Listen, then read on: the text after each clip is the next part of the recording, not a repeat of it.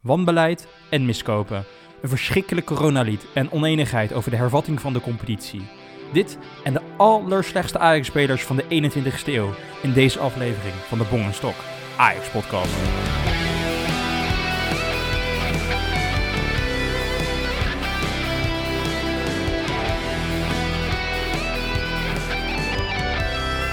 Vergeet niet te abonneren op de podcast op Apple, Spotify of waar je ook je podcast beluistert. Stok, coronaweek, ik, kan, ik, weet, eh, ik ben de tel weer kwijt. Overleef je het nog een beetje zonder voetbal, met wc-papier hopelijk? Kom je het een beetje door? Ja, voor mij stond het al 4,5 week, maar ja, eh, wie telt er, hè? Maar nee, ja, ik moet zeggen, bij ons is, eh, is de wc-papier eerst er nog. En ja, de, de stemming die zit er ook nog wel aardig in. Het enige verschil is, Bong, dat hier in Ierland is het ontzettend slecht weer. Dus eh, ja, ik, ik kom eigenlijk amper mijn huis meer uit. Ik voel me echt zo'n kluizenaar. Maar wat doe jij thuis aan Stok? Is de alcoholvoorraad, die slinkt erg eh, schrikbarend snel? Of wat, doe je thuis? Ik heb toevallig vandaag weer een nieuwe levering van Guinness gekregen. Dus eh, ik zit voorlopig weer goed. Goed Hoe is het bij jou? Ja, Nederlands heerlijk weer. Het eigenlijk, ik weet niet of het goed of slecht is, want ik word er best wel depressief van dat ik niet op een terrasje kan zitten. En gisteren fietste ik door het centrum van Amsterdam, en dat is dan wel mooi. Dan is het helemaal leeg. En ik was voor het eerst in Stok, je weet het, het, het spui, de dam, dat is normaal helemaal vol als mensen die als een kluitje op elkaar, eh, elkaar, zitten, te op elkaar zitten te botsen. En nu op het spui was helemaal niemand. Geen ziel te bekennen. De dam ook. Ik heb voor het eerst in twee jaar over de dam eh, gefietst, denk ik. Dat, eh, dat, dat vind ik wel wat, eh, wat hebben. En dat kan door hard mooie weer. Want ik weet niet, ja... Ik denk dat ik in een gelukkigere gemoedstoestand ben dan jij. Want ik, wij doen het natuurlijk over videocall. En ik zie je hoofd ziet er echt enorm depressief uit, Stok. Of misschien moet je gewoon make-up gaan dragen vanaf nu. Ja, ik, ik ben wel een beetje erg wit in mijn gezicht op dit moment. Hè. Ik heb al wekenlang geen zon meer gezien. Nee, maar toevallig over dat, dat Amsterdam zo leeg is. Eh, ik zag eh, een mooie video van, eh, of die Ajax online had gezet, ook voorbij komen. Ehm, waar ze inderdaad ook heel mooi liet zien dat eigenlijk de hele stad totaal leeg is. En dat, dat de Dam en de Spui, dat al die, die, die winkelstraten, dat die allemaal zo leeg zijn op het moment. Ook rond de arena gebeurt niks. Terwijl normaal gesproken heb je dan natuurlijk een vrij druk station. Dus ja, dat, het is wel heel interessant om te zien eh, op het moment. Maar vol- volgens mij begint men al te realiseren dat we echt met z'n allen eh, het moeten oplossen. Ik zie in vergelijking met de vor- vorige weekend en het weekend daarvoor... het Vondelpark, alle parken in Amsterdam, ook het strand. Ik was toevallig bij mijn ouders dit weekend in Den Haag. Ja, er waren veel minder mensen te bekennen op het strand en in de parken. En ik denk dat we met z'n allen wel de goede de richtingen op gaan. Dus daar ben ik wel trots op eigenlijk met z'n allen. En mijn, ik was toen weer bij mijn vader. En jij, wij hebben dit in een eh, vorige aflevering een keer besproken... dat mijn vader heeft mij een keer wc-papier meegegeven. Ik moest vandaag, ik dacht, was er toch. Ik dacht van, ik neem een tandenborstel mee, weet je, hoef ik dat weer niet te kopen bij de Albert Heijn, bespaar ik weer geld. En ik kijk in de voorraadkast. Mag jij raden hoeveel van die grote wc-papierrolzakken daar liggen? Die heeft echt gehamsterd. Dat gaat, ik denk niet dat je dat goed gaat krijgen, dit. Ik denk eh, een zak of vijf of tien. Ja, tien. Je te- te- te- tien van die zakken. Dat, dat is echt bizar. Dat zijn honderd wc-rollen, hè? Ja, die, die, die hoeft eh, de komende jaren niet meer langs de Albert Heijn voor, eh, voor wc-papier. Nee, dat denk ik ook niet. Nee, ja, die zit in de kei, echt, als het echt nog een keer uit de hand loopt, zit hij helemaal, helemaal goed. Maar Bong, jij, jij zegt het gewoon dat je bent trots dat iedereen binnen blijft. Dat ben ik natuurlijk helemaal met je eens. Maar jij bent dan wel weer die ASO die naar het strand gaat. Ja, maar Stok, mijn ouders wonen aan het strand en wij hebben een, een ingang direct naar de duinen. Dus wij, wij kunnen daar gewoon, eh, dat is gewoon van ons.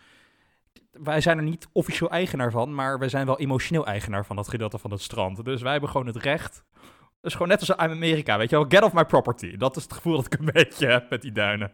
Dat is van, eh, van ons, dus eh, wij mogen er komen, de rest moet er wegblijven. Nou, nou, nou, dan zeg je vorige week dat ik elitair ben. Ja, nee, maar wij hebben er geen hek omheen. Dat doet de overheid heeft voor, nu een, voor ons nu een hek omheen gedaan. Want de auto's konden niet meer bij. Maar jij doet je eigen privéhek eromheen. Dat is wel een verschil, hè, toch? Ja, dat is ook wel zo, dat is ook wel zo. Hé, hey, maar eh, je hebt je aan iets geïrriteerd deze week, heb ik me laten vertellen. Ja, we hebben geen voetbal, maar ik heb toch een veldmannetje van de week die ik eh, erin wil gooien, Stok. Jawel, wat doe je nou? Heb jij het vanuit Ierland meegekregen dat er in Nederland een coronalied is gemaakt? Ja, ik heb het wel gehoord, maar ik heb het liedje nog niet gehoord. Ja, het, het is echt. Het gaat me niet eens om het liedje zelf. Nou, ik heb er ook wel een paar teksten uit die ik even hier wil voorleggen. Maar kijk, ten eerste zie je zoveel mooie gebaren en mensen die helpen. En mensen die mondkapjes gaan maken in gevangenissen en weet ik veel wat. Om de samenleving te helpen. En wat besluiten de rijkste mensen van heel Nederland te doen? Een lied te maken. Ja, hou op man. Doneer aan de voedselbank of ga mensen helpen. Maar ga niet als Ellie Lust zijn. Dat is überhaupt niet je kwaliteit. Gewoon een lied zingen. Ja, ja sorry, maar dat helpt de samenleving toch niet? Ik bedoel, ik vind het wel dat we met z'n allen moeten realiseren dat dit echt heel erg oppervlakkig is. Dit helpt toch niemand? Er zijn al genoeg mensen die zingen en daar trieste liedjes. Waarom, waarom dit er nog bij? En, en jij zegt Ellie Lust. En dan moet ik al gelijk lachen. Ik heb zo'n enorme hekel aan alle programma's die zij maakt, per definitie. Vooral als zij in het buitenland zit bij zo'n ja, bij zo'n rare politie en dan gaat ze er tussendoor lopen. Dat moet ze allemaal niet doen. En ja, dat mensen kan toch ook niet zingen. Ik vind dat zo over een paard getild type. Ja, daar, kan ik echt helemaal niks mee. Ja, maar ja, Ellie Lust dat is dan, die springt er dan uit, want die heeft bij alle talkshows gezeten, de hele week bij Jinek en weet ik veel waar, om het daarover te hebben. En maar op de, uh, op de pik getrapt dat het allemaal negatief was, de reactie daarop. Maar ik wil even een paar teksten uithalen, Stok. Het, is een nummer dat is bedoeld om mensen op te beuren. Om mensen toch wel wat, wat moed en energie te geven. En het begint, er zitten echt van een paar openingszinnen voordat het refrein begint. Hallo, eenzame oude man, helemaal in uw eentje thuis. Hoe helpt dat iemand? Dat is toch heel deprimerend? Empathie is dat, hè? Ja, is je inleven. Ja, en dan, en dan ook nog recycle in je stille, lege flat. Ja, wat, wat wil je mensen nou inspreken? Dat iedereen gewoon triest thuis zit. En er is ook nog eens over infuus versus... hebben ze ook over infuus. En infuus heeft niks te maken met het coronacrisis. Daar heb je een beademingsapparaat voor nodig, geen infuus. Ja, het is echt het is te gek voor woorden wat ze hiermee hebben gedaan. Het is echt... Er zijn dus mensen, er zijn een debat dat mensen zeggen... nou, de culturele sector heeft hier heel erg veel last van de crisis. Mensen gaan meer naar het theater. En er is al veel op hen bezuinigd. Nou, door dit coronalied heb ik nog iets van... de cultuur voegt echt helemaal niks toe. Want dat is heel erg zonde, want dat concertgebouw dat is natuurlijk hartstikke mooi om te hebben en uh, dat moet er absoluut blijven. Maar ik denk dat heel veel mensen door dit lied hebben, ja, bezuinig maar helemaal weg de, de cultuursector, gooi dat maar allemaal naar de zorg. Ik, die mensen hebben echt exact het tegenovergestelde bewerkstelligd dan ze voor ogen hadden. Dat is echt heel knap. Dat is echt heel knap. Ja, ik weet niet zeker, Bong, maar ik heb het idee dat jij geen fan bent van dat liedje. Nee. Nou ja, kijk, je kan het ook argumenteren dat ze hun doel bereikt hebben. Want dat is de samenleving toch een gevoel van samenhorigheid bijbrengen. En niets verbroedert zoveel als haat van de haat voor iets. De haat richting de Duitsers na de Tweede Wereldoorlog. Weet je wel, de haat tegen de Spanjaarden na de WK-finale. Ja, dat, dat, dat creëert toch een soort groepsgevoel. Nou, en heel Nederland heeft nu haat tegen iedereen die het coronalied heeft bedacht. Dus ja, dat, misschien hebben ze hun doel wel bereikt. Maar ik vind het echt uh, te gek voor woorden dat het daar buiten is gekomen. Maar, maar leg me dat nou eens even uit, Bong. Wat is nou het idee achter dit liedje? Is het gewoon alleen om met z'n allen een leuk lied te zingen? Of is het nog voor het goede doel geld ophalen? Wat proberen ze hier nou mee te bereiken? Ja, volgens mij is het gewoon aandachtsschelheid. Gewoon um, een liedje naar buiten brengen dat gratis is. En dan iedereen maar in beeld komen. Ja, en dat is dan hun bijdrage aan vrijwilligerswerk voor de samenleving. Dat is eigenlijk hoe het betiteld wordt. Niet eens volgens mij voor, om geld op te halen. Maar gewoon puur uh, ja, iets leuks doen voor de samenleving om mensen te helpen. Ja, maar je helpt helemaal niemand mee. Je, je irriteert alleen maar mensen. Ik vind het echt. Dit, maar kijk, dat, dat is mijn grote probleem hiermee, Stok. Dit zijn mensen, artiesten, die heel rijk zijn. Die echt kunnen bijdragen als ze willen. Die echt mensen kunnen helpen. En dan doen ze dit. Van ja, waar moet dat allemaal in de publiciteit? Als je iets goed doet voor de samenleving, hoeft dat niet altijd in publiciteit. Dat kan ook in je privésfeer kan je dat doen. Ik, ik, ja, en daar heb ik het meeste moeite mee. Dat mensen eigenlijk, voor mijn gevoel, profiteren van deze crisis om een eigen ikkie maar op tv te hebben of op YouTube, in plaats van dat je iets goeds doet. Ja, en die oppervlakkigheid, daar kan ik heel moeilijk bij dat je dat, uh, zo kan beredeneren, goed kan praten in deze tijden van crisis. Ja, inderdaad. Het lijkt wel een beetje alsof al die BN'ers het idee hebben, hè? corona is alleen maar in het nieuws en wij komen er amper voor. En uh, dat dit een manier is om inderdaad nog bij de talk, talkshows aan te schuiven en bij Jinek en op één uh, te zitten. Ja, ik, ik ben het niet vaak eens met Johan Derksen bijvoorbeeld, maar ik zag hem ook echt een heel betoog houden over ja, wat, wat dit voor dramatisch lied is en, en waarom dit nou toch moet. Ben ik er voor, de, voor eerst in, in lange tijd een keer met hem eens. Ja, heeft Johan Derksen recht van spreken. Die heeft ooit met Wilfred Gené een Hosanna lied gemaakt voor het Nederlands elftal voor het WK. Die, die man heeft ook zeg niet aandachtsgeld te zijn, maar die doet ook echt alles los en vast zitten om een tv te zitten op de radio om geld te verdienen. Dus ja, ik weet nou niet of die man het goede referentiepunt is. Nee, eens, maar toch, uh, als hij een keer iets zinnigs zegt, dan, uh, dan mag dat best wel een keer erkend worden. Over iets zinnigs zeggen, Bong. Eigenlijk, uh, ondanks dat er niet gevoetbald was, was er toch wel veel voetbalnieuws deze week. Heel veel discussie met de UEFA, met de FIFA en de KNVB. Wat moet er nou gebeuren met de competitie? En uh, ja, Overmars die was daar vrij uh, helder in, wat hij daarvan vond. Hij vindt dat de competitie per direct gestopt moet worden. Wat vond jij eigenlijk van de reactie van de KNVB, de reactie van Ajax en de reactie van andere clubs? Nou, van die van KNVB begrijp ik wel. In de zin van, zij zijn wel een lid van de UEFA. Of die organisatie zijn werk nou goed doet of niet, is een andere vraag. Maar dat zijn wel in principe de Europese bond die bepaalt hoe een, een seizoen op Europees gebied, met EK's, Interlands en weet ik veel wat, de Champions League, hoe dat in elkaar eh, steekt op organisatorisch gebied. Dus daar ben je gewoon van afhankelijk. Maar ik vind wel dat je als club het recht hebt om te zeggen: het is gewoon niet werkbaar voor ons om het seizoen af te maken, onder wat voor omstandigheden dan ook. Omdat we en de spelers gaan overbelasten en we hebben contractuele problemen, want alle contracten lopen af op 30 juni. Ja, je krijgt gewoon een soort van competitievervalsing ook. En we willen ook gewoon überhaupt, is het maatschappelijk niet verantwoord. Dus ja, ik- vind voor alle standpunten wel wat, eh, wat te zeggen. Maar waar ik dus heel waar het, waar ik het minst mee kan, is van de UEFA. Die gewoon echt gaat dreigen in deze tijden. Ja, als je niet naar ons luistert en je doet niet wat wij zeggen, dan word je uitgesloten van alle internationale competities. Nou, dat vind ik echt te gek voor woorden. Dat je echt gaat chanteren om je punt eh, maar te krijgen, om je gelijk te halen. Ik weet niet hoe jij dat ziet, Stok, maar ja, ik vind het, dit is, dit is toch per definitie corruptie eigenlijk op, op, op topniveau. Dit is, dit is precies wat de FIFA en UEFA niet zouden moeten doen, waar ze altijd van worden beschuldigd. Een machtsspelletje spelen en nu doen ze het weer. Ja, kijk, Bong, dit is een van de rijkste organisaties ter wereld. Hè? Het is geen beursgenoteerd bedrijf, het is een organisatie die zoveel geld binnenharkt. En eh, ja, ze, ze dreigen miljoenen te verliezen, honderden miljoenen, omdat de Champions League niet uitgespeeld kan worden. En dat willen ze niet hebben. En daarnaast hebben zij het idee van, nou, die competities, eh, die moeten ook maar afgemaakt worden. Dus ons maakt het niet uit of de, wat de veiligheid is van de spelers, van de supporters, van contracten die inderdaad aflopen. Kijk, een, een redelijk denkend mens, die, die realiseert gewoon dat deze competitie, die is gewoon voorbij. Eh, wat is het, op 1 juli dan lopen al die contracten af. Dan, dan gaat een Ziyech zit al bij Chelsea en alle andere transfers die gaan door. Het is op dit moment helaas niet meer te doen om die competitie uit te spelen. In Nederland mogen we geen eens eh, voetballen tot, tot 1 juni tenminste. Dus dit gaat gewoon niet gebeuren. Ik vind eigenlijk dat de KNVB zich weer van zijn slechtste kant laat zien. Dat zijn echt weer, ja, de, wat is, hoe noem je dat? De braafste kindjes van de klas, die volgen de UEFA, maar omdat ze bang zijn dat eh, anders van die mooie baantjes bij de UEFA, dat ze die niet krijgen. Het is echt schandalig. Ze moeten eens een keer een voorbeeld nemen aan de, aan de Belgische bond. On- wie had nou gedacht dat ik dat ooit zou zeggen? Maar die moeten daar maar eens een keer een voorbeeld aan nemen en zeggen van, ja jongens, kom, dit is niet meer werkbaar. We stoppen de competitie gewoon. Club Brugge is kampioen en we houden ermee op. En dat moet je ook maar eens een keer doen. Laten we eens een keer met z'n allen een signaal geven, joh. En een keertje niet denken aan die honderden miljoenen waar, we, waar een UEFA er genoeg van heeft. Maar laten we eens een keer denken aan de maatschappelijke verantwoordelijkheid van het voetbal. Daar ben ik helemaal met je eens, Stok. En, maar wat de UEFA dus ook heeft gezegd, van, ja, je mag, nou, wat ze zeggen, je mag niet meedoen. Dat mag helemaal niet. In hun eigen reglementen staat er echt helemaal niks over het uitspelen van de competitie om deel te mogen nemen aan Europese competities. Dat ze gewoon verzonnen. Ik denk ook dat als je dit eh, gaat aanvechten, juri- juridisch gezien heeft de UEFA geen poot om op te staan natuurlijk. Er zijn geen regels hiervoor. Eh, en, en ja, dit, dit zijn uitzonderlijke situaties. Het is niet alsof je als club protesteert en zegt van... Ah, hè, we hebben driekwart van, de, van het seizoen erop zitten, wij stoppen gewoon met voetballen. Nee, gewoon die hele competitie wordt stopgezet door uitzonderlijke eh, situatie. Schik je daar nou eens een keer in. Schik je daar nou eens een keer in en zeg gewoon... eh, ja, we, laten we eens een keer het beste doen voor de maatschappij. Ik, ik snap dit echt niet. En het laat toch wel eens een keer zien dat de FIFA en de UEFA... Ja, dat is gewoon de grootste maffia ter wereld.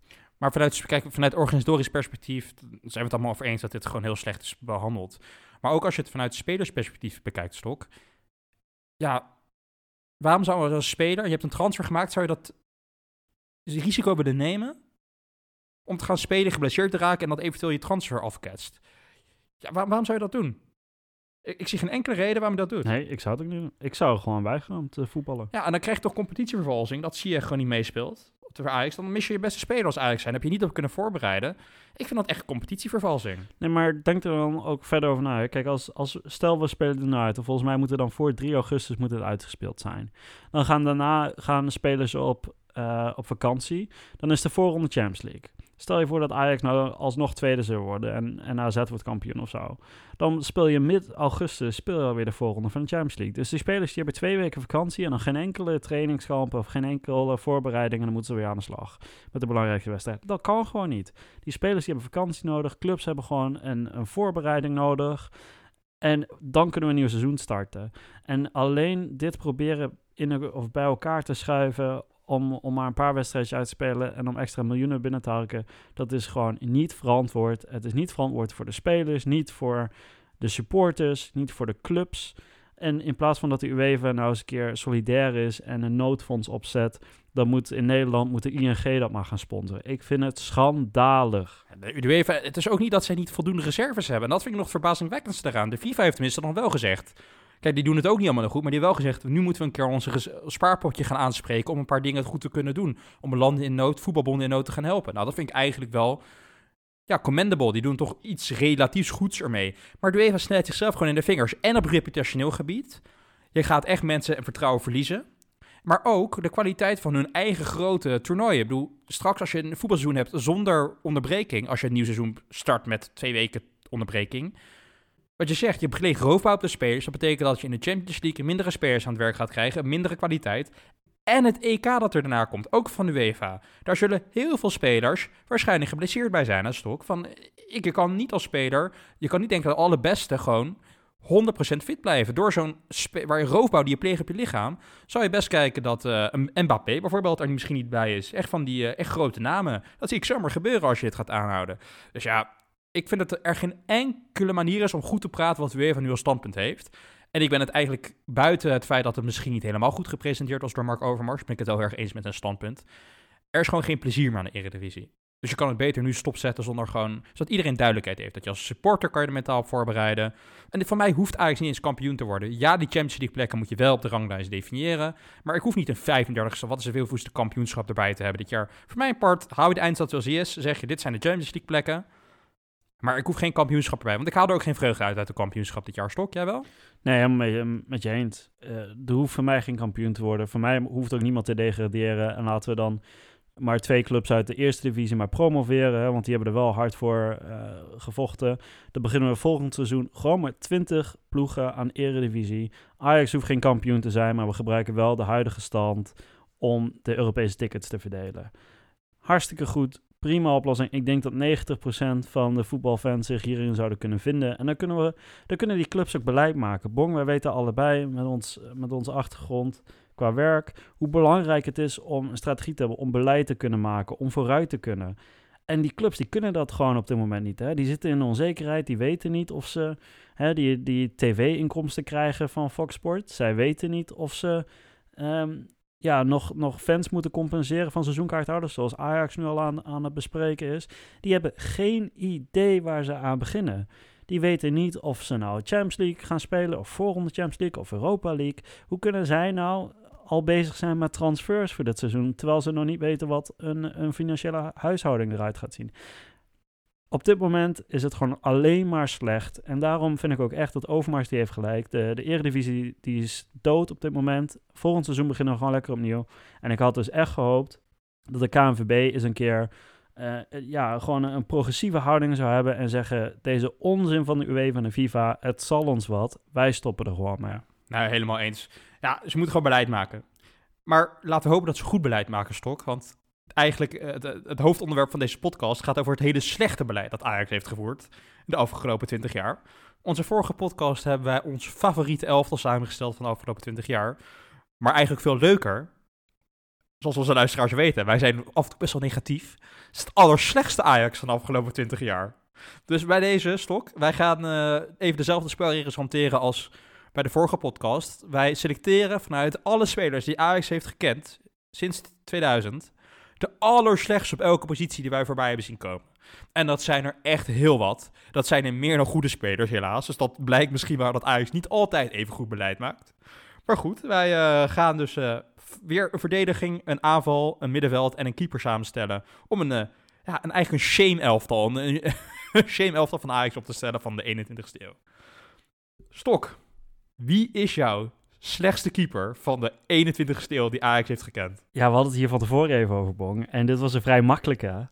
Er is maar één keeper die gewoon simpelweg te klein was om in het Ajax-doel te staan. En dat is onze eigen Lamproe.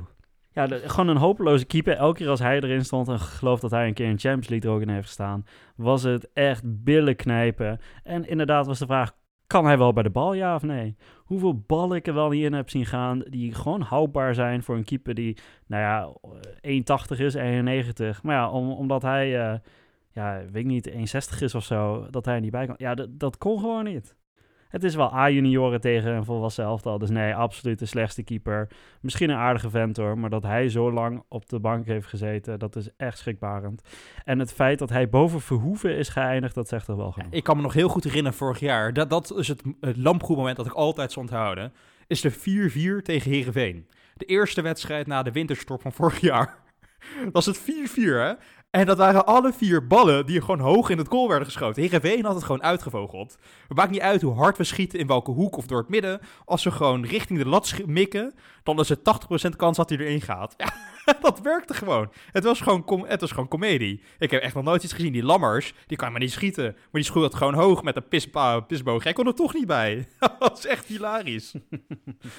maar kan ik hieruit uh, veronderstellen dat jij ook voor Lamproe hebt gekozen? Nee, ik heb voor Jeroen Verhoeven gekozen, Stok. Nee, nee. ja, ja, wel. Niet ja, pizza, kom op. Pizza, pizza. dat komt toch niet? Daar staat gewoon een keeper van de derde bierelftal van, van Blauw-Wit staat, stond er op goal. Die heeft echt in de basis gestaan een paar keer, hoor. dat komt echt niet. Dat is gewoon als image zijnde van Ajax. En daar zat gewoon nou, daar zat gewoon het, het, het, gevolg van drie dagen frituur eten stond daar gewoon op goal. Ah, ik vind dat echt een, echt een zielig verhaal hoor. Want die vent die heeft er zoveel aan gedaan om inderdaad gewoon topfit te zijn. En hij heeft gewoon al die jaren topsport bedreven. Maar hij heeft gewoon een lichaam die dat niet aan kan. En ik weet niet of je onlangs nog een foto van hem, hem hebt gezien, Bon. Nee. Maar uh, ja, ja nu, nu zou je nog harder pizza moeten schreeuwen eigenlijk. Ja. Nee, maar dat kon toch niet? Dat is, ik begrijp, dat excuus is altijd aangedragen, ik heb zware botten. Of het is mijn lichaam zwaar. Ja, maar met, zelfs met, ik en mensen met hele zware botten. Maar dan heb je alsnog niet een bierpen zangen. Dat kan echt niet. Als topsporter zijn, die kon gewoon niet meer. Dat, kijk, Lampro, die kon zo hoog springen en dan kwam hij nog niet bij het hoofd van Jeroen Verhoeven. Maar Jeroen Verhoeven kon echt niet meer dan 5 centimeter van de grond komen. Dat, dat stond de zwaartekracht niet toe. Dat was echt heel apart. nee, ik heb voor Jeroen Verhoeven gekozen. Duidelijk uh, zeer slechte keepers. En uh, niet het hoogtepunt inderdaad. Maar um, wie staat er bij jou in de verdediging dan? Ja, hier hebben echt een paar... Ik heb Johan Veldman overwogen, maar Johan Veldman heeft toch om aarde toch iets meer kwaliteit dan de echt allerslechtste die wij uh, hebben gezien bij Ajax. De eerste die ik echt niet kon. Ik, zeg maar, we hebben geen, ik heb niet echt geselecteerd, zoals bij, vorige, bij de vorige podcast, op een verdediging zou functioneren. Want ze zijn toch allemaal slecht, dus ze kunnen toch niet voetballen. dus dat maakt niet meer uit. Dus ik heb stok. Drie eigenlijk centrale verdedigers waar er eentje maar van respect moet spelen. Want ze kunnen, het kan, maakt toch niet uit. Ik heb ook voor Heiko Westerman. de nieuwe Maandelef. Die kon er echt helemaal niets van, hè? Dat is de reden dat Rafa van der Vaart, die had hem aangeraden bij Ajax. Dat is de reden waarom Van der Vaart nu analist is en geen trainer of bestuurder. nou, zo'n aanrading. Als je dat aanraadt, dan heb je gewoon geen verstand van een selectie samenstellen. Samuel Kufour, de grote naam van Bayern München, die eigenlijk alleen maar groot was in lichaamsbouw toen hij bij Ajax kwam. dat kon echt niet. Dat kon niet. Ik heb gekozen ook voor Rob Wielaert. Ik heb dat gewoon nooit begrepen. Die kon echt niet voetballen. Die, heb ik die moest ik erbij zitten. En het absolute hoogtepunt. In lengte wel, wel degelijk. Maar ook in echt de meest aparte verhalen en hoe die bij Ajax is terechtgekomen. Timothée Atubal als linksback. Hier, hier, hier, kan je toch niet het mee oneens zijn, Stok? Je hebt toch geen andere spelers? Ik vond die, die, die Atuba, die is gewoon met Jol meegekomen van HSV, hè? Was dat toen destijds. Die Jol die heeft daar eerder weggewerkt en die denkt, ja, dat is toegevoegde waarde. Dat is ongelooflijk. Volgens mij heeft hij één wedstrijd gespeeld, heeft hij zo'n een halve pirouette geprobeerd en de, de bal verloren en een enorme kans tegen. Werd gelijk gewisseld en nooit meer gespeeld, die vent. Dat is echt de grootste miskoop die ik denk ik in jaren heb gezien. Ik moet zeggen, ik heb wel uh, ongeveer dezelfde verdediging. Het is uh, verbazingwekkend. Vorige week waren we het eigenlijk vrijwel niet met elkaar eens. Maar ik moet zeggen, hier uh, zijn we het wel aardig met elkaar eens. Ik heb inderdaad ook Cafour en ik heb ook Atuba uiteraard. Beide spelers, ja, die, die voegden helemaal niks toe. En Cafour al helemaal, die was over de top. Maar ik heb wel twee andere spelers er nog in staan. Ah, uh, ik heb ook trouwens Rob Wielaert. Sorry, maar excuus. Ik heb drie van de vier dezelfde. Want Rob Wielaert, ik weet nog dat hij destijds bij de studio voetbal zat. En dat hij uit ging leggen dat hij toch wel moeite had na zijn transfer van Twente naar Ajax. Met wanneer, die, uh, wanneer er dan een uitgooi was, of een inworp. Dan wil hij nog steeds willen schreeuwen, bal voor Twente, terwijl hij bij Ajax speelde. ja, zo'n speler, die hoort in de grootste miskoop meen je dit nou? Dat heb ik echt nog nooit gehoord, dit verhaal. Ja, ja, ja, zeker. Dat hebben we gevraagd. Deze speler die je hoort, toch gewoon met de grootste miskoop van de 21 stil. Het is Ik afschuwelijk. heb tranen in mijn ogen, man. oh, wat goed het. Ik heb eh, dan één verschil met jouw verdediging, Mon. En eh, die kwam eigenlijk op het laatste moment in me naar boven. En dat is Jurgen Collin. Kun je die nog herinneren? Nou, ik, ik, ik, ik, de na, ik moet eerlijk zeggen, nee. Die naam zegt me wel wat, maar ik, heb, ik kan me geen herinnering van bij hem ophalen dat ik hem zien heb zien spelen of zo. Zeg misschien ook genoeg. Dat is een, een oud verdediger, die, die kwam van PSV en eh, daarvoor ook bij NAC Breda, Breda gespeeld. Eh, Norwich City. En eh, nou ja, goed, die, die werd toen bij Ajax gehaald. Hè. Groot talent, zogenaamd. Maar ja, eigenlijk eh, had hij heeft één seizoen bij Ajax gespeeld. En eigenlijk had hij alleen maar defensieve blunders. En wat schijnt nou, hè? Dat eh, na dat seizoen heeft Ajax dus een nieuw contract voorgelegd. En het verhaal is dus dat zelfs Jurgen Collin ontzettend verbaasd was toen hij een nieuw aanbod kreeg van Ajax. dat had hij niet verwacht. Ja, ja, nou ja, goed. Als een speler toch al niet verwacht dat hij een nieuwe aanbieding krijgt, dan, dan weet je ook, hè. Dit is, eh, dit is echt slecht. Nee, wat dat betreft is mijn verdediging Colin, Rob Wielaert, Cafour en Atuba. Ja, daar, daar wil je de oorlog zeker niet mee. Ja, maar kan jij Koevoer nog herinneren? Ik vind Jurgen Collin, ik vind dat wel een schitterend verhaalstok. En klasse dat je dit eh, hebt opgehaald. maar kan je Koevoer nog herinneren? Want dat kwam, die kwam binnen zijn grote naam. Ja, hè? zeker. Dat was echt de grote centrale verdediging van Bayern. En die had de Champions League gewonnen. En die leidde daar de verdediging. Maar dat had Bayern heel goed gezien. Die was echt op de, op de retour. Want ik weet nog, die kwam binnen. En die was, volgens mij was hij 33 of 34. Nou, die deed een beetje eer aan dat oude Afrikaanse stereotype dat er bij paspoort gelogen werd over leeftijd. Want hij leek echt 40. hij leek echt 40. dat kon echt niet. En die, had ook, die kon in zijn gezicht al 20 kilo afvallen. En ja, die, die was gewoon al bij pensioen, voor mijn gevoel. Dat was echt belachelijk. Twee wedstrijden gespeeld. Die, die is te vaak bij Snackbar Johan geweest. Sowieso. Ja, ja, ja. Maar uiteindelijk, het hoogtepunt, daar zijn we het wel mee eens, is Atuba. Want ik begin, die is, komt van Jol, wat ik zeg je, die was bij Jol bij HSV. Maar Jol, die wist dus al wat die jongen daar had uitgespookt. Ik, zal even een, ik heb een lijst van incidenten die Timothée Atuba heeft gekend bij HSV. Dus toen Jol daar trainer was. Hij heeft een keer een middelvinger naar het publiek opgestoken. Bij HSV heeft hij een keer de fitheidtest gefaald. Hij heeft een keer in een live meeting over contractonderhandelingen het bestuur van HSV helemaal verrot gescholden omdat hij niet eens was met de contractaanbieding. Nou, en die speler hebben ze gewoon een contract aangeboden. Die had, dat, hij was ook een keer gewoon een maand verdwenen. Een Afrika Cup, die vond plaats toen daar tijd nog in de winter. Terwijl het seizoen gewoon bezig is. Maar hij was gewoon een maand van de aardbodem verdwenen na de Afrika Cup. Dus HSV heeft gewoon een maand gespeeld in, het, in de Bundesliga. Zonder te weten waar een selectiespeler in godsnaam uithing. Het is echt, het is echt niet normaal. Dat kan toch niet?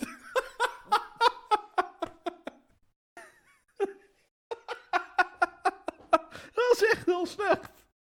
En dat hebben we natuurlijk ook nog gecontracteerd. En nou ja, maar joh, wist het allemaal. Dan hebben ze toch nog gecontracteerd. Dat kan toch niet? Maar, maar volgens mij eh, had eh Jol en Iatuba die hadden dezelfde zaakwaarnemer. Ik denk oprecht dat dit het verhaal was. Ja, nee, want het, joh was een beetje malafide. hè. Dat verbaast me niks. Ja, precies. Dus eh, het verbaast me niks. Ik, ik denk zeker dat hij ook bij zichzelf dacht van... Ja, dit, dit, dit voegt niks toe, maar hè, we kunnen nog een speler aantrekken... en mijn zaakwaarnemer, die wil nog iemand stallen. Maar wat een verhalenbong. Als je toch een fatsoenlijke ehm, directeur voetbal bent... dan begin je hier toch niet aan. Ik zat even mezelf af te vragen, terwijl je dit noemt daar. Ik bedoel, iemand die heeft daar in het bestuur gezeten... en die heeft zich bedacht, weet je, dat dit is een goed idee. En ik vraag me even af, wie is die imbeciel die dat dacht? Was dat Martin van Gilde? Ja, ja, dat, ja, dat zou hem best wel kunnen zijn. Het was wel onder dat bestuur van eh, al die lijpo's. Eh, hoe heet dat nou? Die eh, Rick van der Boogaard en zo. Dat was hem wel.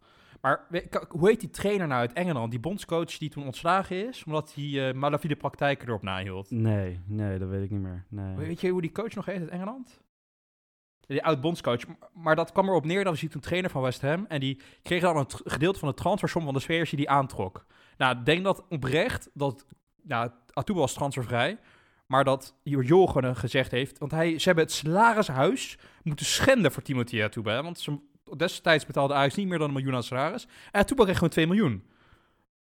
En ja, Jo heeft daar sowieso een kut van gekregen, denk ik. Dat, ja, ik wil niet dingen insinueren, maar wat, er is geen andere reden waarom... Ja, hij heeft ook niet meer gespeeld hè, na die wedstrijd tegen PSV. Nou, Nee, hij, hij heeft één wedstrijd gespeeld. Ja. En ik, kan- ik heb die wedstrijd gezien, was een topper. Ik kan alleen maar pirouettes en scharen herinneren op de linksbackpositie. Je dacht dat Maar- Messi was, die vent. Maar volgens mij is hij toen ook echt na 30 minuten of zo naar de kant gehaald. Uit zijn lijden verlost, daadwerkelijk. Want dat kon echt niet. Nee, maar Bong, wat een verdediging. Dat is, eh, ja, dit, waren niet onze, onze beste spelers. Maar wie heb jij dan op het middenveld staan? Nou, ik heb er eentje die ik eigenlijk... Ik vond hem niet eens... Hij heeft gewoon heel, eh, niet zoveel betekend voor Ajax. was niet super slecht, ook niet goed. Maar de reden waarom ik heb gekozen is omdat hij een heiligdom van Ajax geschonden heeft. En dat is Roger, of Roger, weet ik veel hoe die heette. Was de laatste speler die de nummer 14 heeft gedragen voor Ajax. Het nummer 14. En die kon er echt helemaal niks van. Ik, ja, ik, ik, ik, ik, heb dat nooit begrepen. En ook, hij koos het uit ere van Cruijff. Nou, als hij zijn eigen voetbalkwaliteit had gekend, had hij nooit nummer 14 gekozen. Want hij mocht Cru- Cruijff zijn veters nog niet eens aanraken. Niet, eh, laat staan strikken. Ja, dat, dat kon echt niet. Dus dat, die staat er zeker bij in. Laurent Delorge, daar, daar kom ik niet onderuit. De Nathan Rutjes voordat Nathan Rutjes bestond met eh, de mat eh, die erachter hing. Dat is, qua imago kon dat gewoon niet bij Ajax. En misschien een beetje een onpopulaire keuzestok. Maar ik heb Jan van Halst. Want ik vond Jan van Halst gewoon een, een Ajax-onwaardige speler. Echt onwaardig. Dat was echt een typische Feyenoorder. En als ik hem ook tv zie, bij Fox Sports ook helemaal gek van die man. Ja, ik, ik heb dat nooit begrepen. Stok van Jan van Halst echt een schande op het Ajax-middenveld. Ja, het zijn wel interessante keuzes, Bong. Eh, hier ben ik het dan totaal niet met je eens. Eh, overigens wel dat dit hele slechte spelers zijn. Maar ik heb toch voor een ander middenveld gekozen. Wie heb jij staan dan? Eh, Laurent Delorge moet je erin hebben. Ah, ik heb hem overwogen, ik heb hem overwogen. Maar ik ben uiteindelijk, eh, zit hij bij mij op de bank. Ja. Nee, ik, eh, ik begin graag met de speler waar toen hij naar Ajax kwam van PSV, had ik daar ontzettend veel eh, ja, hoop in eigenlijk. Hè? Groot talent. En ik dacht, oké, hij, gaat het echt maken bij Ajax. En, eh, een toekomstig eh, ster en eh ja, echt topspeler. Maar dit is een speler die heeft ons helemaal niks gebracht. Niet qua voetballend vermogen, maar ook niet qua discipline. Ismaël Aysati. Oh jezus, ja, ja, ja. De speler die, geloof ik, door Jol of Frank de Boer... dat hij maar het stadion omhoog en naar beneden moest rennen... omdat hij weer te laat was of omdat hij niks deed. Echt een hopeloze speler. Ja, en die, die bakte er niks van. Dus nee, die mag van mij lekker op middenveld. Een dure aankoop destijds ook nog. En eh, ja, dat, dat, daar kwam het er gewoon niet uit. Een van de grote miskopen die we gehad hebben. Daarnaast, verdedigend op het middenveld, Evander Snow. Evander Snow met die enorm lange maanden daarachterop. Ja. Hard rennen, maar echt kwam veel te kort eh, op het Ajax middenveld. Daar kon niks mee. Was die van Van Basten, toch? Ja, inderdaad. Ja, ja, ja. Ja. ja. En dan had ik nog één plaats over en ik heb getwijfeld voor, over de loge. Maar ik ben uiteindelijk voor Lindenberg gegaan. Onze AZ-speler die ook echt te weinig heeft toegevoegd. En dat kwam dan ook als een grote aankoop. Ik geloof onder Van Basten ook. En ja, dat, daar, daar kwam helemaal niks uit. Echt gewoon weggegooid geld, kapitaalsvernietiging. En eh, ja, als als je, nogmaals, als je dat als, als technisch directeur, als je daar aan begint, dan, eh, dan kun je ook maar beter opstappen. Over Olaf Lindenberg gesproken, Stok. Je weet je nu dat Ajax kiest Overmars nu na elke wedstrijd. Is niet het publiek, de, maar Overmars kiest de man of the match. Dus dan doet hij allerlei politieke redenen. Weet je, Donny is ongelukkig, Donny man of the match, dat soort dingen. Dan natuurlijk wel But of the King of the Match, I don't know. Iets hebben, maar dat doet Overmars. Dat is ooit begonnen, dat, daar ben ik van overtuigd, door Olaf Lindenberg. Of tenminste voor Olaf Lindenberg. Want er is dus een legende dat Olaf Lindenberg ooit is uitgeroepen tot man of the match. Terwijl die echt, en- er was verbazing alom in de media en eh, in de Ajax-selectie zelfs, in het stadion. Maar dat was gewoon omdat die man het zo slecht deed bij Ajax. dacht ze misschien, misschien dat dit even moraal, eh, zijn moraal opkrikt en dat hij dan wat beter gaat spelen. Maar dat is nooit gebeurd. Maar Olaf Lindenberg is de reden waarom er nu nog nooit meer een onafhankelijke man of the match wordt gekozen, maar dat dat een politiek spelletje is om spelers te verkiezen. Dat is, dat is de erfenis van hem. Ik geloof dat je vroeger zelfs kon stemmen op je man of the match. Dan kon je sms'en of zo. En misschien dat, ze, dat het publiek dat destijds wel gedaan heeft, was sarcasme bijna. Van ja, de beste man was Olaf Lindenberg. En dat ze toen gedacht hebben, nou, laat, laten wij het zelf maar kiezen wie het is. Nou, ja, kijk, ik, ik ben het niet erg met je oneens verstopt, want dit zijn allemaal schandelijk slechte spelers. Want van Evander Snow kan ik me nog herinneren. Die ging na Ajax bij RKC spelen. En, eh, en daar kwam hij ook echt schrijnend tekort. Echt schrijnend tekort. Dus ja, ja nee, ik, eh, ik heb er echt niks op aan te merken. Het zijn allemaal treurige spelers die echt titel van profvoetballer nog niet verdienen. Dus ja, ik, ik, eh, ik, ik wil, bijna, ik wil je bijna applaudisseren, maar... dit, eh, zijn echt, dit is gewoon te triest voor dat deze Ajax, spelers het Ajax-shirt hebben gedragen. Zullen we dan maar naar eh, de aanvallers gaan? Ja, vind jij ook niet dat je hier de meeste keuze hebt, Stok? Nou, ik moet zeggen, op een middenveld hadden we toch ook wel veel keuze. Laten we bijvoorbeeld een Duarte en een Marie niet vergeten. Maar inderdaad, in de aanval hebben wij toch ook echt een bedroevend niveau aangetikt over de laatste 20 jaar. Er zijn spelers bij, en als je daar nu over nadenkt dat die het heilige Ajax-shirt hebben mogen draaien, dat is echt een zwarte bladzijde van onze clubgeschiedenis. Stok, eentje waar ik bijna van overtuigd ben dat wij hetzelfde hebben, die er echt in moet. Dat is Albert Loeken, toch? Ja, nee, die staat er inderdaad gelijk in. Absoluut. Kwam als een grote naam, hè? Ja, van Newcastle. Maar dit, daar speelde hij ook niet. Maar daar heeft Ajax dus echt nog een transfersom voor betaald ook. Hè. Dat was de grootverdiener.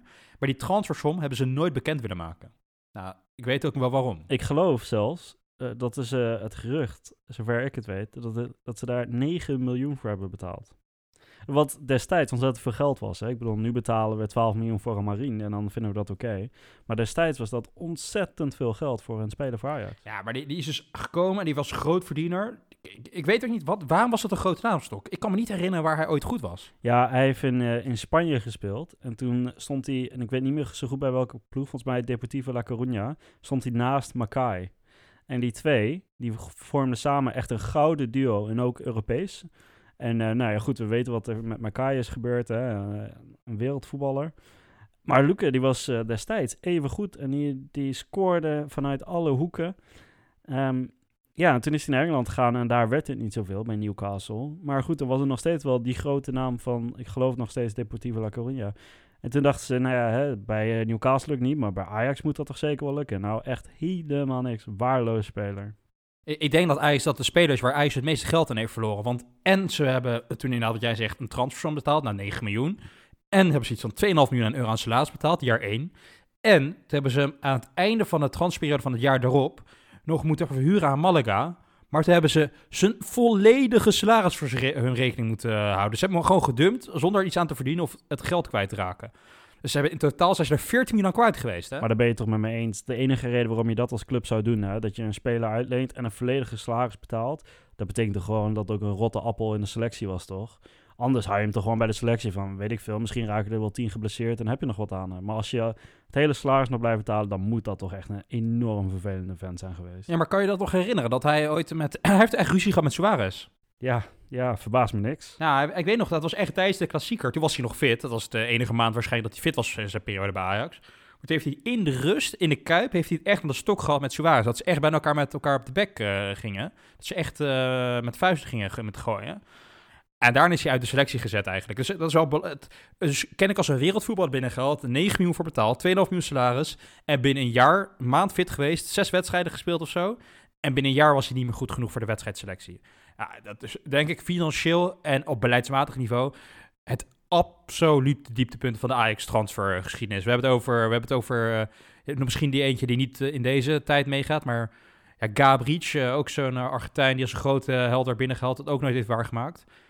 Maar Albert Loeken op, ja, t- ja dat, ik krijg nog steeds rillingen van over mijn rugstok als ik aan die speler moet denken. Ja, eens. Ik, eh, ik denk overigens dat wij het ook wel eens zijn over een tweede speler in de aanval. Ja, zeg het maar. Oerzais. Nee, die heb ik er niet in staan. Die heb je er niet in staan, Bong. Hoe kan dat nou? Nou, omdat ik twee andere spelers heb waar ik echt niet onderuit kon. Echt, echt, die waren echt heel slecht. Maar goed, leg je redenering uit. Nou ja, kijk, Oezais die kwam toen binnen. Hè, volgens mij was hij al, al over de 50 of zo. Nou ja, ik geloof dat hij midden 30 was. Maar die werd dan gehaald als stormram. Nou ja, elke keer als hij erin kwam, hij had... Nou, zelfs Johnny van de Burger King was sneller dan dat hij was. hij kreeg de bal koppend, eh, dat kon hij niet. Nee, dit, dit was echt... Bong, ik zeg het vaak als een, als een grap wanneer wij voetbal kijken. Hè, dat, dat zelfs jij het beter zou kunnen. Maar in dit geval denk ik dat dat ook echt daadwerkelijk het geval zou zijn geweest. Deze vent die heeft 0,0 toegevoegd aan de club Ajax. Heeft helemaal niks bewerkstelligd. En ik geloof dat hij na een paar maanden ook gewoon het contract ontbonden is. Ja, ontbonden is. Want laat we eerlijk wezen, dat was ook gewoon de juiste keus. Kijk, en, en dat een speler wat ouder is, dat hoeft geen probleem te zijn. Hè? Kijk naar Huntelaar en hoeveel waarde hij nog toevoegt op, op zijn leeftijd. Maar zo'n Oerzais, die heeft 0,0 toegevoegd. En echt absoluut een van de miskopen van de afgelopen 20 jaar. Ja, maar Oerzais weet ik nog heel goed.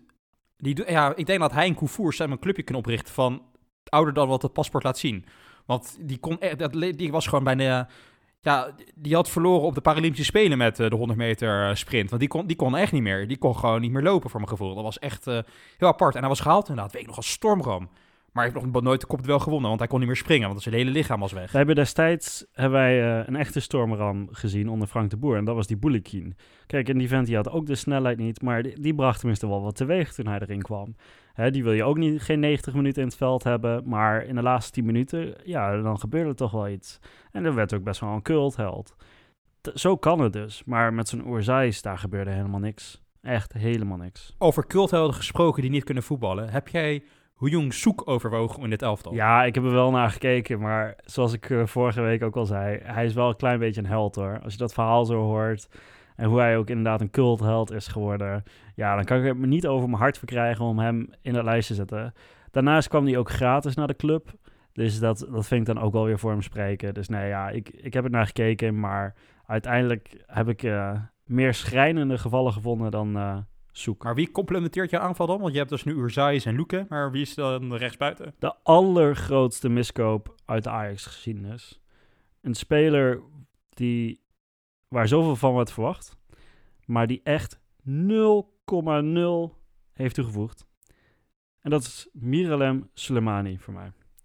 Die vent die was zo goed in dat jaartje bij Heerenveen. En echt bij Ajax, het leek wel alsof hij het voetballen verloren was. En ik geloof dat, eh, nou ja, tot, tot twee jaar geleden was hij nog steeds de duurste aankoop in de Ajax-geschiedenis. Wat echt ongelooflijk is. Ik, ik weet ook niet wat er uiteindelijk met die vent gebeurt. Ik geloof dat hij naar Portugal is gegaan om daar te voetballen. En uiteindelijk heeft hij nooit het, het niveau aangeraakt van zijn tijd in Heerenveen. Maar ja, bij, bij Ajax was het ook niks. En toen werd hij te zwaar. En ja, het, het was echt... Nee, een van de slechtste aanvallers die ik gezien heb. En het feit dat hij zoveel gekost heeft, daar, daarmee verdient hij echt een plek in mijn top 3 in de aanval. Ah, daar is geen woord tegen te spreken. Maar Miralem Sinemani is het levende, lopende bewijs dat Mark van Basten echt een pannenkoek is. Want dit is gewoon de aankoop van Van Basten. Ja, nee, absoluut. Absoluut. Wie heb eh, jij dan naast Luque in de aanval staan? eh? Ik heb, dus, ik heb ook niet Suleiman. Ik heb wel over getwijfeld, puur vanwege die transfersom ook. Maar, zeg maar hij kon nog wel een bal aanraken als hij zeg maar fit was. Weet je wel, hij heeft dat nooit laten zien, maar hij kon nog wel wat. Ik, ik ben gegaan voor de grote naam, die nooit, nooit en letterlijk ook heel groot was. Angelos Charisteas. Die kon, kijk, die kon gewoon niet voetballen, Stok. Die kon alleen maar koppen. Die kon gewoon niet voetballen. Die kon, als hij een bal in zijn voeten kreeg, dat kon hij gewoon niet. Dan sprong hij, dan sprong hij weg. Die hebben we gekocht omdat hij een kopbal maakte op het WK, de winnende goal. EK, EK. Ja, maar die kon gewoon Ja, niet ja. voetballen. Ja, het EK, sorry, sorry. Maar die kon gewoon echt niet voetballen. Nee. Nee, de- deze man die heeft zijn hele carrière te danken aan die ene goal in die EK-finale tegen Portugal. Ja, nou, maar daar op basis daarvan is gekocht. En hij kwam ook binnen als de grote held, weet je. De eerste grote spits sinds Kluivert, weet je wel, die binnen werd gehengeld. Die gaat Ajax redden. Nou, ik heb, me echt nog, ik heb nog nooit zo met het schaamrood op de kaken naar een speler in te kijken. Want elke speler die we hebben genoemd, buiten misschien Orzais, kon nog wel op zijn hoogtepunt voetballen. Die kon in ieder geval nog een bal pasen, zonder dat hij 10 meter naar links of naar rechts eh, sprong. Ja, eh, weet je, tegenwoordig krijg je heel veel van die statistieken in beeld. Pa- passing completion rate. Frenkie dan 97% van zijn passes komen dan aan. Ik denk dat bij Gary Seas onder de 10% ligt. Die kon gewoon echt niet voetballen. Ik weet niet waar dit geleerd heeft. Die, ja, waarschijnlijk op volleybal was hij zo lang dat hij in plaats met zijn handen ging staan, ging hij koppen. En op basis daarvan is hij op een veld beland. Maar die kon echt helemaal niks stok. En ik weet niet wie, dat is echt heel slecht beleid. Maar het allerbeste beleid is ook gerelateerd aan Angelos Charisteas. Want er is dus een Ajax-bestuur die Feyenoord heeft overtuigd om- Charisteas over te nemen. Nou, dat kan echt niet.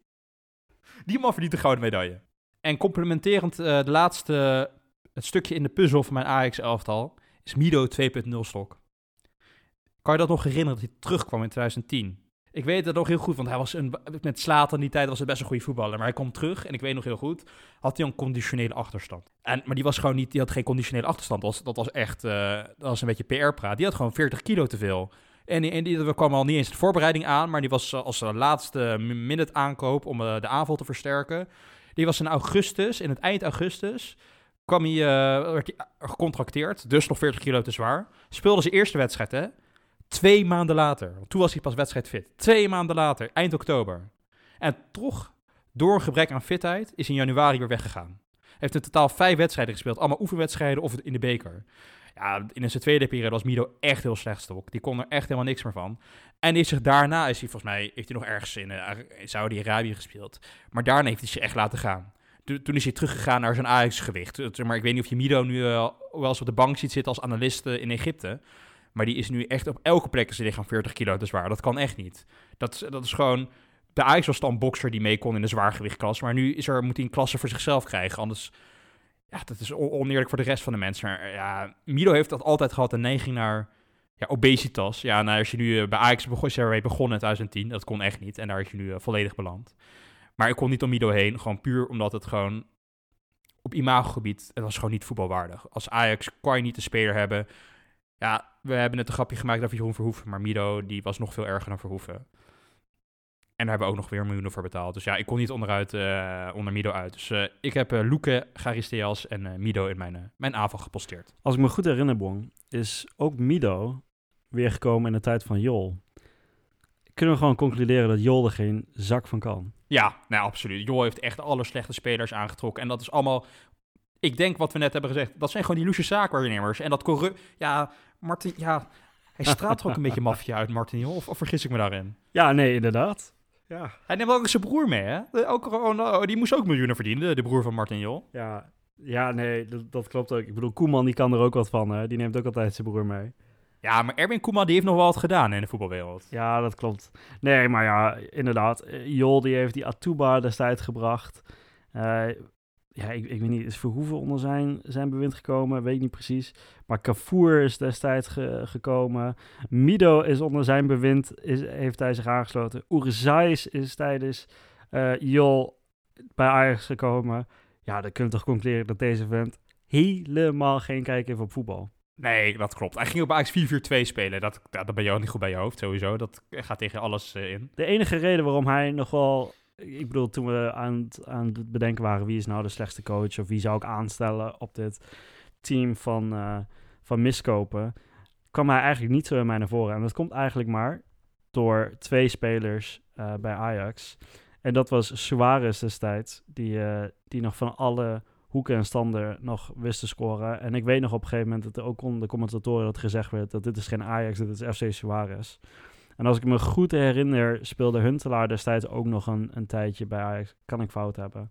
Maar ook uh, die scoorde natuurlijk op los. Dus eigenlijk is Jol gered omdat hij een paar spelers hadden die exceptioneel waren. Maar hij zelf, ja, hij blinkt uit in totale miskopen over zijn hele periode bij Ajax. Is hij dan ook, is hij uiteindelijk wel jouw uh, trainer, allerslechtste trainer van de afgelopen 20 jaar? Nee, Nee, hij, uh, hij heeft bij mij ook niet als assistent gered. wie, wie, dan wel? Nee, ik ben uiteindelijk gegaan voor uh, Danny Blind als coach. en uh, omdat... en dan als assistent, omdat deze persoon niet in, het, in de spotlight wil staan... krijgt hij als assistent Marco van Basten. ik heb heel lang overwogen om Marco als pannenkoeker voor te zetten. ja, ja, ja, ja. Ja, nee, maar kijk, sowieso een coach die bij AZ als hoofdtrainer is en dan halverwege dat ze maar uh, switchen, dat hij niet in spotlight wil staan. Deze vent, ja, Van Basten, waarom nee? Hij ooit begonnen is aan coach, daar snap ik dan ook weer helemaal niks van. Hè? En zijn rolletjes bij de FIFA en zo. Nou ja, goed, eh, dus hopeloze coach en uh, ja, niet voor, voor ja, niet gemaakt om coach te zijn. Maar ja, Blind was natuurlijk dramatisch één jaartje bij Ajax geweest waar het echt om te janken was. Het was niet om aan te zien. En dat heeft hij daarna gewoon dunnetjes overgedaan bij het Nederlands elftal ook. En dat neem ik hem nog steeds ontzettend kwalijk. Door hem staat Ziyech nu niet in het Nederlands elftal. En dat is oprecht een enorme schande. Ja, en uh, nou ja, daar zou je eigenlijk gewoon voor naar de gevangenis moeten. En toch, hij wordt scholletje genoemd, hè? Want hij heeft nog steeds een baan bij Ajax. Ja, maar ik denk dat hij als bestuurder hè, zoals hij nu in de raad van bestuur zit, dat moet hij natuurlijk wel lekker doen. Want hij heeft de connecties en hij weet hoe die club werkt. En, daar kan hij prima zijn zegje doen. Want daar doet hij ook niet zoveel verkeerd. Maar als trainer, dat moet hij nooit meer doen. En uh, ja, ze zouden eigenlijk zijn licentie af moeten nemen. Want uh, de, hoeveel schade die man uh, Ajax toegebroken heeft en ook het Nederlands elftal, dat is ja, ongehoord. Dus nee, wat mij betreft blind maar aan het roer van dit treurige, treurige elftal. Ik vind dus aan deze hele generatie geen, kan geen spel tussen krijgen. Maar toch heb ik een andere gekozen, Stok. Ik heb heel lang... Voor wie ben jij gegaan? Ja, ik heb heel lang ten kate overwogen. Puur omdat hij wegging voor een reserverol bij Chelsea. Dat vond ik zo schandelijk. Die werd van hoofdtrainer van Ajax, werd die assistent-trainer bij Chelsea. Ja, dat, dat, dat vind ik te gek voor woorden. Maar ik ben gegaan voor Marcel Keizerstok. Want Marcel Keizer heeft een jaar Ook compleet geval. Dus eruit gaan in de voorrondes van de Europees voetbal tegen Rosenborg. In, bij alle clubs Rosenborg. En heeft ook uit de selectie achteraf had hij Ziyech, De Licht, Frenkie. Ja, en Onana. Dat was gewoon het elftal dat het jaar daarop furoren maakte in Europa. En daar heeft hij niks uitgekregen. Ja, dan ben je echt een hele trieste trainer. Echt een hele slechte. Ja, en dan was ik inderdaad het seizoen daarvoor, dan speel je de Europa League finale. Dus je had inderdaad een elftal dat echt heel goed kon voetballen. Ja, ik, ik, ik, ik snap heel goed wat je bedoelt, Bong. En ik, ik vond het ook niet om aan te zien toen hij trainer was bij Ajax. Ook dat accent van hem, daar kon ik ook niet overheen stappen, moet ik zeggen. Elke keer als hij een interview gaf, kon ik hem niet serieus nemen. Uh, en uh, eigenlijk heb ik dat ook met Den Haag, maar goed, uh, daar hebben we het dan even niet, niet over. Maar ik vind voor hem dat hoe zijn voorbereiding is gegaan en wat er allemaal gebeurd is en wat voor een impact dat heeft gehad op de spelers. Um, wil ik hem dat niet per se kwalijk nemen. Vandaar dat hij, hij is een slechte coach geweest.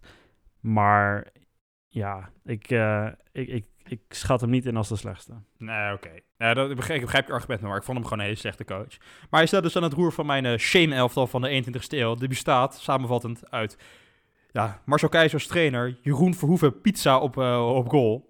Achterin de legendarische Samuel Okafor, Rob Wielaert en Heiko Westerman en Timothy Atuba. Echt een schitterende verdediging dit. En als middenveld Jan van Hals, Laurent Delorge, het matje. Roger, de laatste nummer 14. Mido, Garisteels en Loeken. Nou, dit is, deze zou in de keukenkampioen-divisie niet mee kunnen, Stok. Die van jou denk ik ook niet. Nee, de samenvatting bij mij. Uh, blind aan het roer met pannenkoek van Basten als assistent. Op goal hebben we Lamproe.